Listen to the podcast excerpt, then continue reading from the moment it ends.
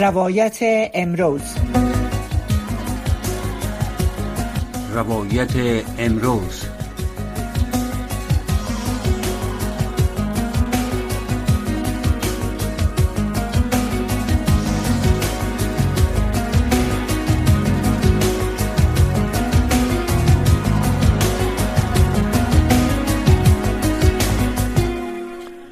شنوندگان عزیز. حال هم از شما دعوت می‌کنم به برنامه روایت امروز. که همکار نجیب خلیل رو گردانندگی می‌کنه. گوش بدید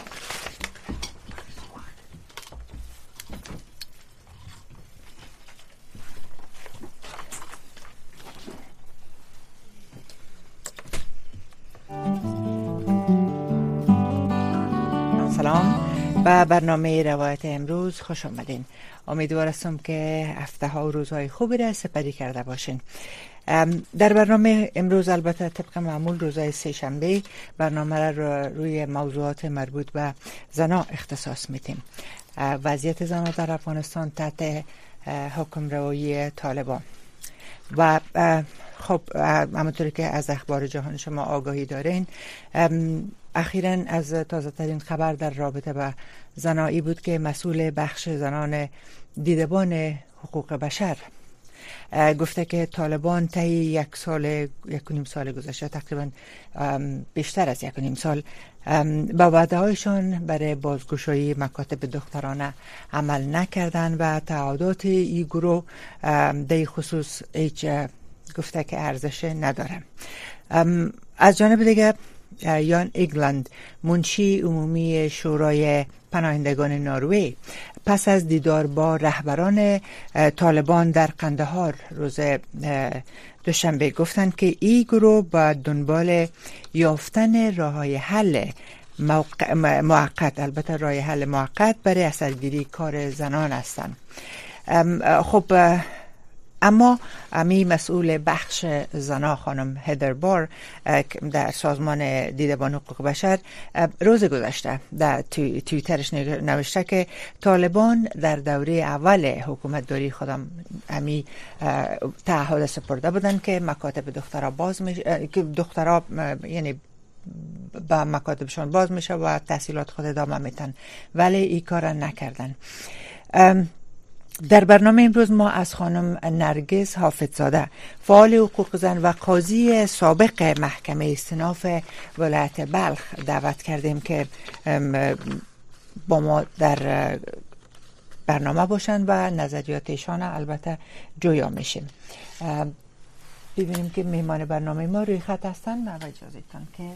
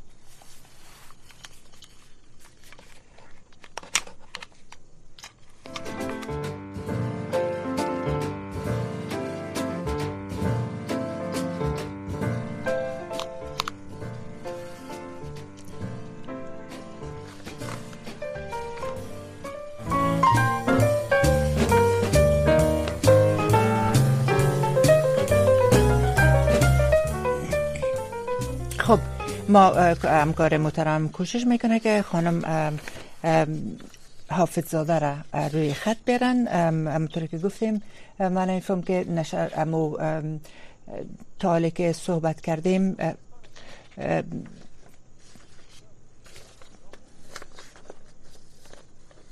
ما خانم حافظ زاده را از ایالت تکساس با خود داریم. با خود می داشته باشیم. باید بگویم ببخشین. انوز همکار محترم تلاش می‌کنه که اونا رو روی خط برن. من برشان قبلا صحبت کردم. آماده هستن که با ما صحبت کنن. تا حال نتونستیم که اونا رو روی خط بریم. ولی به هر حال همونطور که قبلا گفتیم مسئله مورد در رابطه با موضوعات مربوط به زنه در برنامه طبق معمول روز سه شنبه به بحث می‌گیریم. امطوری که طالبا البته طالبا امطوری شما میدنین و تا حال در تقریبا 21 ماه حکومت داری خود نگفتن که مخالف تحصیل زن هستند یا مخالف کار از اونا هستند. مخصوصا در قسمت کار تحصیل یا مکاتب دخترها باز شدن مکاتب دخترها اونا همیشه گفتن که ما روی یک مکانیزم کار می‌کنیم. یعنی هیچ وقتی را نگفتن. ولی همونطور که قبلا ما اشاره کردم خانم هدربار مسئول دیدبان حقوق بشر البته مسئول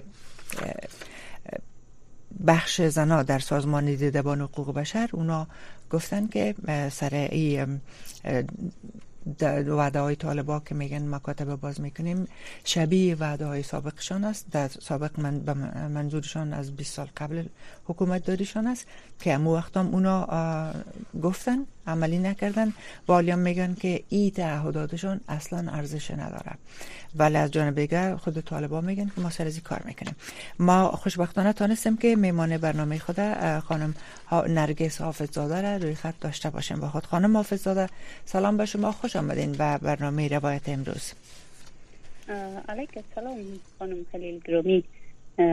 هستم که با شما هم کلام استم دیگه تشکر از شما. ببخشید در آغاز برنامه شماره تلفنتون یکم که فکر می‌کنم شاید از پیش ما اشتباه شده باشه که برام کارم دادم اما خوشبختانه تانستیم که شما را روی خط بریم. ما خب البته ممکن است اما آنچه که ما چیزی که گفتم شما روی خط بودین شنیدین. اما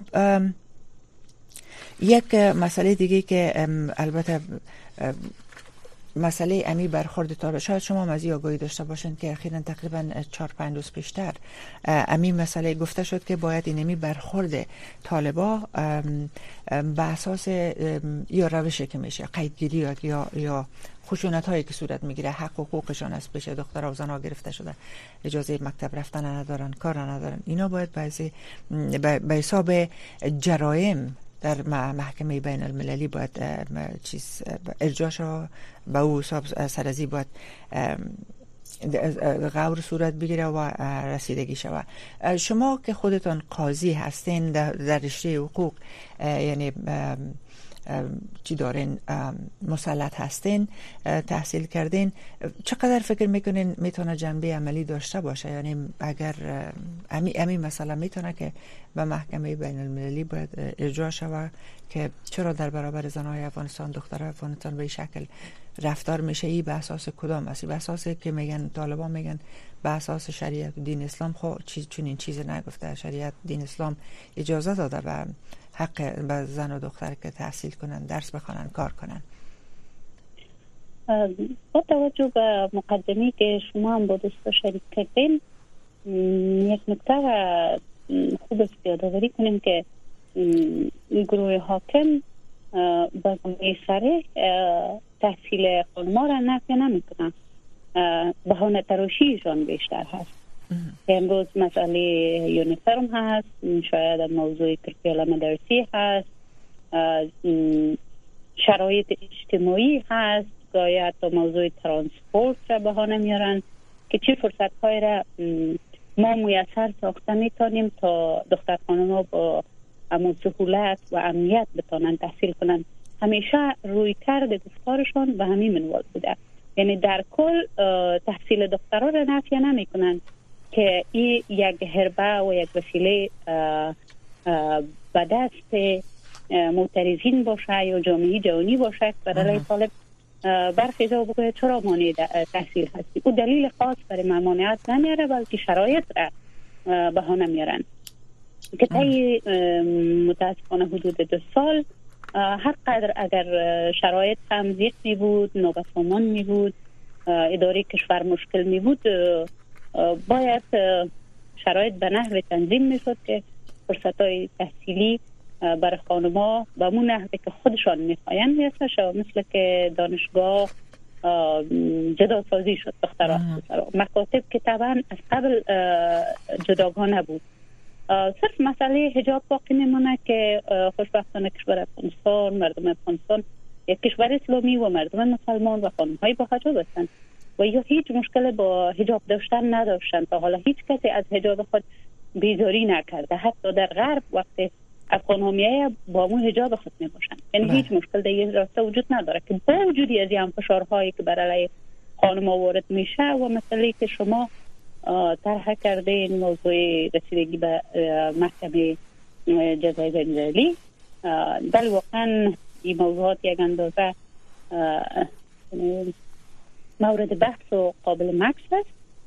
البته در بعضی برخی از موارد ما هم روی موارد یعنی جستجوها و یعنی توجه خود را داشتیم که فعلا لازم نمی‌دونم از طریق توجه یعنی با جزئیات بریم. اما اصل بحث ای است که آیا تا چی اندازه مواردی که بر علیه خانم واقع میشه شامل جرایم میشه و آن هم جرایمی که از سلطه و صلاحیت قضایی آی سی سی یا محکمه جزای بین‌المللی می‌تونه باشه. بله. نظر به مروری که ما با وضعیت حاکم می داشته باشیم و ایره می‌خوایم مطابقت بتیم با حکم قانون که قانون یا اساسنامه های بین یا اساسنامه دادگاه بین المللی در ارتباط چه نظری داره که آیا واقعا می‌تونیم عمل کرد گروه حاکم نسبت به خانم ها را در کتگوری جرایم شامل حوزه قضایی محکمه بیاریم یا خیر؟ بیشتر از نظر من اعمالی که واقع میشه در خل... خلاف معایدات بین خصوصا سیدا هست که تبعیض علیه خانم را بسیار رویش صحبت شده و معایدات در نظر گرفته شده و هر عمل کرده که نسبت به خانم ها به گونه تبعیض آمیز واقع میشه قبل غور دانسته. که عمل کرده امروز طالبا یعنی به عموم برابری داره. و ای که تحت کدام کتگوری می‌دانیم که چند مورد مشخص است که دادگاه بین‌المللی صلاحیت رسیدگی قضایی را دارد. یکی از این موارد با عنوان یا وصف جرمی جنایت جنگی هست. بیشتر عمل کرده که گروه حاکم نسبت به خانمات نسبت به شرایط و اجتماعی حضور خانمات تحصیلشان منع تحصیلشان شکنجه ها گرفتاری ها بی سرنوشتی خانم ها بعد از گرفتاری نبودن اطلاع بعد از گرفتاری مواردی هست که یا را می‌تونیم تحت کتگوری جرایم جنگی بریم جرایم جنگی در اساسنامه روم بسیار به تفصیل با جزئیات آمده. وقتی به جزئیات قراراتش میریم با اوجه دریافت می‌کنیم که آنچه که امروز واقع میشه می‌تونه تحت همین کتگوری جنایت جنگی در زیر سلطه قضایی و صلاحیت محکمه جزای بین‌المللی اموره بله گفتن به اساس بند دوم ماده هفتم اساسنامه روم. بله. آنچه که در برابر زن و دخترام تو شما را اشاره کردین که شکنجه ها صورت می‌گیره وقتی که اینا مبرن صدای خودم می‌کشن زندانی هایی که میشه روزها و هفته ها از سرنوشت زیاد خبر نمی باشه. در گزارش اخیری که داشتیم ای که کدام رسانه نشد که دقیقا ذهن ندارم. گزارش هست که در زندان و بازداشتگاه هایی که در ولایت های جوزجان سمنگان حتی بلخ در بعض جا وجود داره چی فشارهای بر خانم وارد میشه چی واقعاتی در زندان میگذره یا در بازداشتگاه و توقیف خانه ها هست و آنچه که بعد از گرفتاری بی سرنوشتی هست. عدم اطلاع از سرنوشت از وا در دسترس خانواده ها. منع تحصیل منع حضور در اجتماع منع حق سیاسی و اجتماعی تمامش تحت کتگوری جرایم جنگی می‌تونه مورد قرار بگیره اما مهم این است که چقدر دادگاه بین المللی مصمم به است که روی موضوع توجه داشته باشه. بله. خب اگر یک اندازه تخصصی تر صحبت کنیم باید صلاحیت بررسی همچو قضایا را محکمه بینجلی باید در اول با مو سارنگولی یا دادستانیش که باز هم یعنی نسبت به سارنوال محکمه پیش قدم تر هست در محکمه بینجلی که اگر محکمه بین المللی به این نتیجه برسه و معتقد به این شود که جرایم از ساحه صلاحیت قضاییش هست صلاحیت بررسی قضایا را به سارانوال میده و سارانوال موضوعات را تحقیب کرده در پیشگاه محکمه تقدیم می‌کنه. بله. یعنی مسیر وجود داره اساسنامه هم روشن هست. نسبت به بعض موارد دیگه وصف جرمی جرایم جنگی بهترین گزینه برای تعقیب درست. شما قبلا در گفتارتان اشاره کردین البته ایره که خب گفته میشه که طالبا دلیل از که مثلا مکاتب دخترها را باز نمی‌کنه یکی خب گفته شده که سر مکانیزم کار می‌کنیم بعدا سر تغییر نصاب درسی این مسئله را گفتن و شما گفتن که همچنان مسئله transportation یا وسایل حمل و نقلشان از گرفتن از اینا از یک ساحه و انتقالشان به مکتب و اینا. در حالی که اگر ای به حساب مشکل است اما شنیده میشه گفته میشه که تعداد در عوض تعداد مدارس زیاد شده. مدرسه ها در هر گوشه و کنار کشور ساخته شده. و پس ای هم خودش مصرف کار داره ای هم خودش مستلزم ترانس وسایل transportation یا وسایل حمل نقل می باشه که خودش. ولی از جانب دیگه هم ایده هم هست که ادعا می‌کنن یا خود مردم افغانستان و همچنان انالیست ها که طالبا در واقع اینه میره همین مسئله سیاسی ساختن. و اما طوری که من قبلا گفتم که از دیدبان حقوق بشر میگه که این مسئله طالبا اصلا فقط یک بهانه است مثل که در دوره سابق خودی بهانه رک می‌کردن و تا در جریان شش سال حکومت داری خود اصلا مکاتب باز باز نکردن بر روی دخترها سو به نظر شما آیا فکر می‌کنین که واقعا ایر سیاسی ساختن که البته در بدل از از جامعه جهانی از امریکا بگیرن خواست که خود از اینا داره مسئله به رسمیت شناختنشان یکی از موضوعات عمده از پیششان که به رسمیت شناخته شود که کمک از برخوردار شوند. این مسئله یایی که اصلا همونطور که فکر می‌کنین که در گذشته هم نشد و ادعا میشه که طالبا اصلا معتقد نیستن که دخترها بالاتر از سنف شش دیگه نیاز نیست که اینا برن مکتب و درس بخونن شش سنف یا سال تحصیل تعلیم برشان کفایت می‌کنه تشکر از سوال جامعه شما خانم خلیل در ارتباط با موضوع شما اشاره کردین که موضوع حمل و نقل هست. ای که آقای رضی الله مجاهد بارباد بین صحبت هایشان اسم اشاره کردن که از که ما می‌خوایم به اصطلاح خانم ها مسئول باشه ما روی پلان کار می‌کنیم که باید برشان ترانسپورت مناسب آماده بسازیم که بتانه یاره به محلات درس تحصیلشان انتقال بده و هیچ گونه به اصطلاح خودشان خطرات اجتماعی متوجه خانم ها نباشه وقتی که شماره شما اشاره کردین طبعا این در یک تناقض قرار می‌گیره. وقتی که مدارس هم میریم طبعا مدارس دیگه در داخل محلات چون نیست. طبعا به محلات دیگه رفت آمد می داشته باشن اگر مشکل ترانسپورت باشه یا اجازه ندادن خانم ها به که با ترانسپورت عامه یا به نحو جداگانه و فردی خودشان برن حالا به مدارس هم میرن. اما یک تناقض هست بین گفتار تا عمل کرده گروه حاکم که در مکاتب عمومی بهانه ترانسپورت پیش میارن و در مدارس دینی مشکل وجود ندارن. البته مدارس دینی چون یک کشور اسلامی هستیم یک ضرورت هست اما نمی‌تونه جایگزین مکاتب عمومی باشه. مدرسه دینی درست هست؟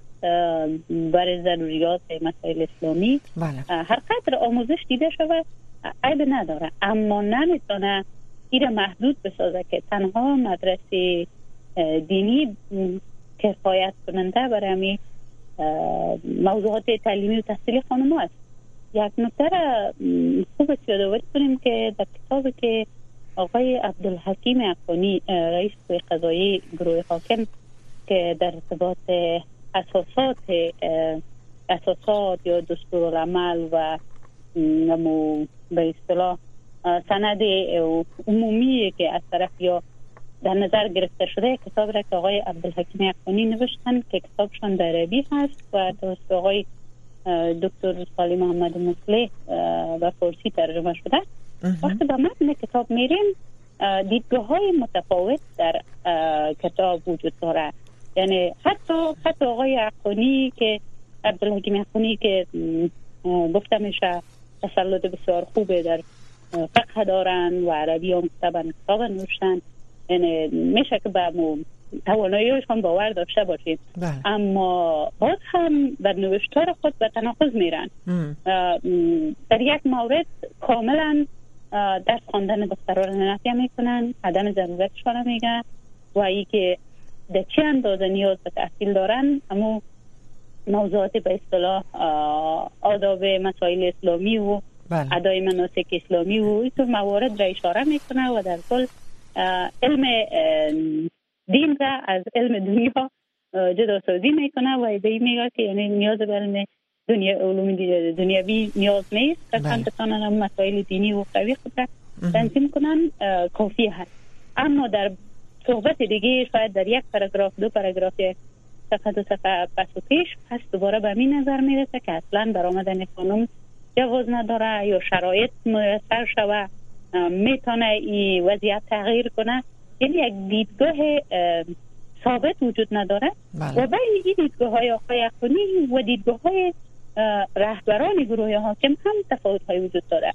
تا جایی که برداشت میشه تمامی رهبران به یک نظریه نیستن. هر کدامشان دیدگاه های خاص خود داره. حتی مخالفین و منتقدین درون گروهی وجود داره. بله. بعضی از رهبرانشان می‌بینیم که موافق هستند و مثل آقای استانگزای به صراحت اعلام می‌کنن که باید دختر خانم درس خوانن و در مخالفت خود در برابر تصمیم منع بله. تحصیل دخترها اعلام می‌کنن. و برخی دیگه هم به این میخوزه که اصلا مثل آقای حنفی که هیچ تحصیل دخترها رو نمیپذیره. بنابر به نظر من بنابر امی تناقضات و عدم وحدت نظر بین گروه حاکم این موضوع یک اندازه به حاشیه کشانیده شده و برش توجه صورت نمی‌گیره. و در ضمن که آیا موضوع یک موضوع سیاسی هست یا خیر طبعا برداشت عمومی به همی است که موضوع به سیاست کشانیده شده.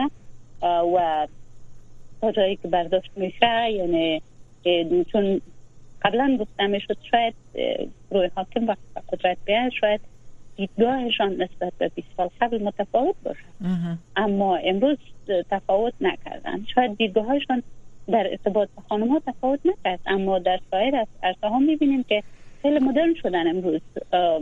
از امو جنگنده های خود یا نمی‌دونم گروه نظامی خود. از طرز لباس پوشیدنشان و خردشان خب ساختار و تشکیلاتشان کوشش می‌کنن اما هنگی را نسبت به شرایط زمان برای خود ایجاد کنند. اما در این قسمت در قسمت تحصیل دخترها هیچ تفاوتی ایجاد نشده. این در گذشته هیچگاه مسئولیت پذیر نبودن. اگر واقع بینانه بگویم امروز می‌خواهند که می‌خواهند که به نحو حکومت داری را نشان بدن در جهان. می‌خواهند که خود را ثابت بسازند که ما کوشش می‌کنیم که مردم را روزی نگه داریم برشان خدمات داشته باشیم. کوشش به این می‌کنن که نشان بدن یعنی در کل می‌خواین یک نظام داشته باشن. اما در دیگر افراد شاید اندکی کم و بیش تانستن کار کنن و می‌خواین کار کنن. اما در قسمت خانما بله. وقتی دیده میشه که کارشان اصلا قابل توجه نیست یا اصلا کار نکردن و روز تا روز قیدگیری ها بیشتر میشن. و همین فهمیده میشه که نمی‌خواین خود را در یک قسمت در جهان ثابت بسازن که یا واقعا مصمم به تحصیل دخترها هستند بلکه نشان میدن ایره به نحو یک با میشه گروگانگیری سیاسی بگوییم که خانم ها را در گرو به رسمیت شناختن خود قرار دادن. تا کشورهای دیگه یک دونه کمک ها که از طرف کشورها فعلا هم جریان داره که گاهی وقت بعضی از کشورها این کمک ها را رد می‌کنه. اما آنچه که واقعیت هست و همه می‌دانند که افتوار چقدر پول به خزانیشان وارد میشه. و این به نحو باجگیری سیاسی از جهان در برابر رسمیت شناختن خودشان یا داشتن اتفاقات و روابط بین المللی شما گفتین باجگیری سیاسی یا گروگانگیری سیاسی به خاطر برسمیت شناختنشان. البته این یک موضوع اما اگر آنطور که شما گفتین و اکثریت به این معتقد هستند که و همچنان خانم هیدر بارم گفتیم که اینا معتقد هستند که طالبا اصلا اصلا باور ندارن به تحصیل دخترها بالاتر از سنف یا درس دخترها بالاتر از سنف شش. ای خب اگر مسئله باجگیری سیاسی یا گروگانگیری سیاسی او مرتبط میشه به رسمیت شناختنشان که به رسمیت شناختن میشه یا نمیشه. وقت به رسمیت شناختن میشه اینا باز مکاتب دوباره باز می‌کنن خانم ها اجازه میدن کار کنن. اما اگه بحث یا موضوع ای باشه که اصلا اینا معتقد نیستن مثل که میگن در 20 سال گذشته هم نگذاشتن ای چقدر نگران کننده است که تقریبا نصف قشر جامعه را از کسب از نعمت درس و تحصیل محروم بسازن یا محروم ساخته شوند مخصوصا موجودیت زن در بخش تعلیم و تربیه. عمود تا سنف ششم دختر کار را که اجازه دارن خب باید معلمشان زن باشه. یا مثلا در شفاخانه ها چقدر نیاز به وجود نرسای زن و دکترای زن است. اگر اینا بر از اینا اجازه دادن نمیشه وقتی دختر بالاتر از سنف شش دیگه نتانه تحصیل کنه. پس دکتر زن از کجا میشه؟ نرس زن از کجا میشه؟ که او خانم هایی که مریض میشه زنها که مریض میشن اونا خود اجازه ندارن تحت حاکمیت طالبا که دکتر مرد اونا رو تداوی کنه پیش دکتر مرد برن اونا. بس دکتر زن هم نباشه این آیا اکثریتی که باشون صحبت کردیم در این قسمت زیادتر نگرانی خود ابراز می‌کنن که اگر چنین چیز باشه یک اگه بخش گروگانگیری سیاسی باشه حسابش زیاد است احتمال از این موجود است که بسیار مهم اشاره کردین نجیب جان که ای که از یک جانب بهانهگیری است به خاطر رسمیت شناختن و از جانب دیگر اگر یو معتقد به اینه باشه وقتی بهانه مرفوع شود چه واقعی خواهد شد؟